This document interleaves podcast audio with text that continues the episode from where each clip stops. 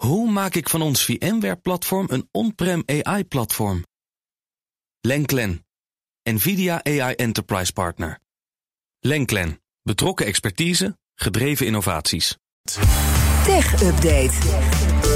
Uh, vandaag met Mat, Mats Akkerman. Goedemiddag. Hey, goedemiddag. Nou, de Europese Commissie die vindt dat uh, Apple te veel beperkingen oplegt aan de muziekstreamingsdiensten. Ja, dat is een zaak met uh, klachten die vooral komen uh, van Spotify. Uh, die vinden dat Apple misbruik maakt van zijn machtige marktpositie. En op die manier allerlei beperkingen eigenlijk aan de gebruikers van de streamingdiensten oplegt. de Europese concurrentiewaakhond die gaat daar nu deels in mee. hoe het zit is Apple verplicht op dit moment makers van apps in de App Store. dat ze gebruik maken van het eigen betalingssysteem van Apple. Mm -hmm. En daarover int Apple dan vervolgens ook nog een commissie van 30%. Dus er gaat veel geld. Het is een beetje dubbel belasting. Apple, ja, precies. Dus over elk abonnement dat een Apple-gebruiker bij Spotify afsluit, moet Spotify weer betalen aan Apple. Nou, logisch ja. dat Spotify dat niet zo ziet zitten. En uh, nu komt het echte. Appmakers mogen ook niet klanten in hun app verwijzen naar een eigen site. Dus stel je hebt Spotify gedownload in de App Store. Ja. Dan mag Spotify niet in de app zeggen. Je kan ook op Spotify.nl een goedkoper abonnement afsluiten. Want dan heb je niet die commissie van nee, Apple. Nee, nee. Nou, dat laatste, daarvan zegt de Europese Commissie nu... dat is in strijd met de Europese wet. Hè. Volgens de Europese Commissie is daar dus inderdaad sprake van machtsmisbruik bij Apple. Omdat je zo consumenten eigenlijk dwingt om meer te betalen... voor zijn abonnement uh, dan noodzakelijk is. Ja, dus dat is echt al een mooie overwinning voor Spotify, zou ik zeggen. En de andere streamingdiensten. Ja, dat is een, een kleine overwinning voor Spotify. Maar uh, je, aan de andere kant is het misschien ook wel een beetje... een overwinning voor Apple. Want de Europese Commissie zegt dus... nou, je moet wel gewoon kunnen verwijzen naar je eigen website... Maar over al die andere dingen zeggen ze eigenlijk helemaal niks. Dus het feit dat Apple je eigenlijk dwingt om te betalen met het eigen betalingssysteem van Apple, daar wordt niks over gezegd. En, dan en het feit dat ze die commissie nog, hebben ja. van 30%, wat echt wel fors is, daar wordt ook helemaal niks over gezegd. Terwijl in Nederland heeft Apple hier bijvoorbeeld boetes voor gekregen van de autoriteit Consument en Markt. Maar de Europese Commissie gaat er verder dus helemaal niet naar kijken. En eigenlijk zou je het dus in totaal misschien ook wel kunnen zien als een overwinning voor ja, Apple. Dat ze zeggen, hun praktijken gaat, grotendeels door mogen zetten. De appeltaart wordt daar uh, aangerukt, denk ik. Ja, precies. En hoe reageren Apple en Spotify zelf hierop? Ja, ze claimen het allebei een beetje als een overwinning. Wat in principe dus ook allebei wel een beetje zo is. Uh, Apple zelf zegt: Wij zijn blij dat de commissie haar zaak heeft verkleind. en niet langer het recht van Apple betwist. om een commissie voor digitale goederen te innen. en het gebruik van het in-app betalingssysteem te eisen. En ze hopen dat de zaak hiermee nu eigenlijk met Spotify. dat dat nu een beetje klaar is en dat het is afgedaan. En Spotify zegt dat ze in het besluit van de Europe uh, Europese Commissie. dat het aantoont dat de praktijken van Apple consumenten, ontwikkelaars en de hele internet-economie duidelijk schade berokkenen. Dus die zien hier ja. ook een beetje hun eigen gelijk in. En die zullen voortaan denk ik wel in de Spotify-app een linkje zetten. Sluit liever even een abonnement af op onze eigen website. Ja, heel slim. Want dat mag dus nu Precies, weer. ja.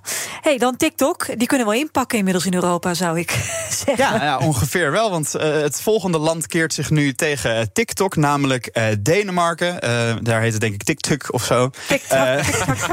sorry, heel slecht. vanwege het risico op spionage van de app. het gaat hier nog niet om een concreet verbod op TikTok, maar ze raden het aan ambtenaren nu sterk aan om de app te verwijderen. En weer dus alleen ambtenaren en politici. Ja, het gaat inderdaad om, om rijksambtenaren, want dat is waar de overheid in eerste instantie natuurlijk makkelijk zeggenschap over heeft.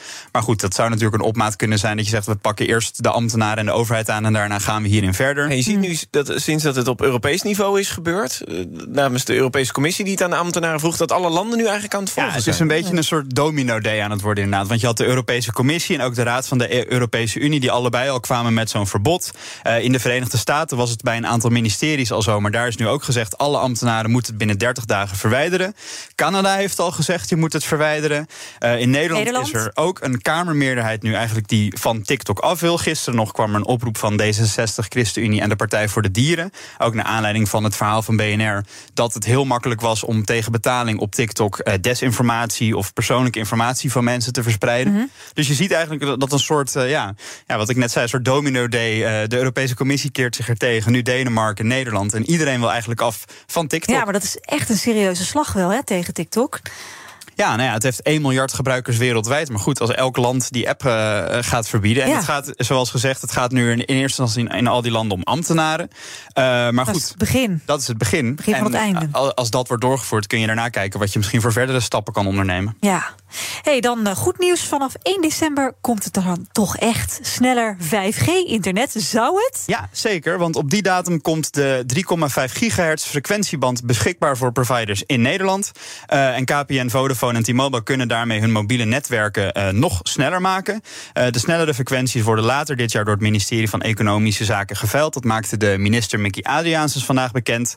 en dat is ook wel nodig omdat we elk jaar 30 tot 50 procent meer dataverkeer gebruiken. Dus het is ook wel echt nodig. Mm de Europese Unie besloot al in 2016 dat die 3,5 gigahertz eh, band om dat open te stellen voor mobiele netwerken. En andere landen hebben dat dus ook al lang gedaan.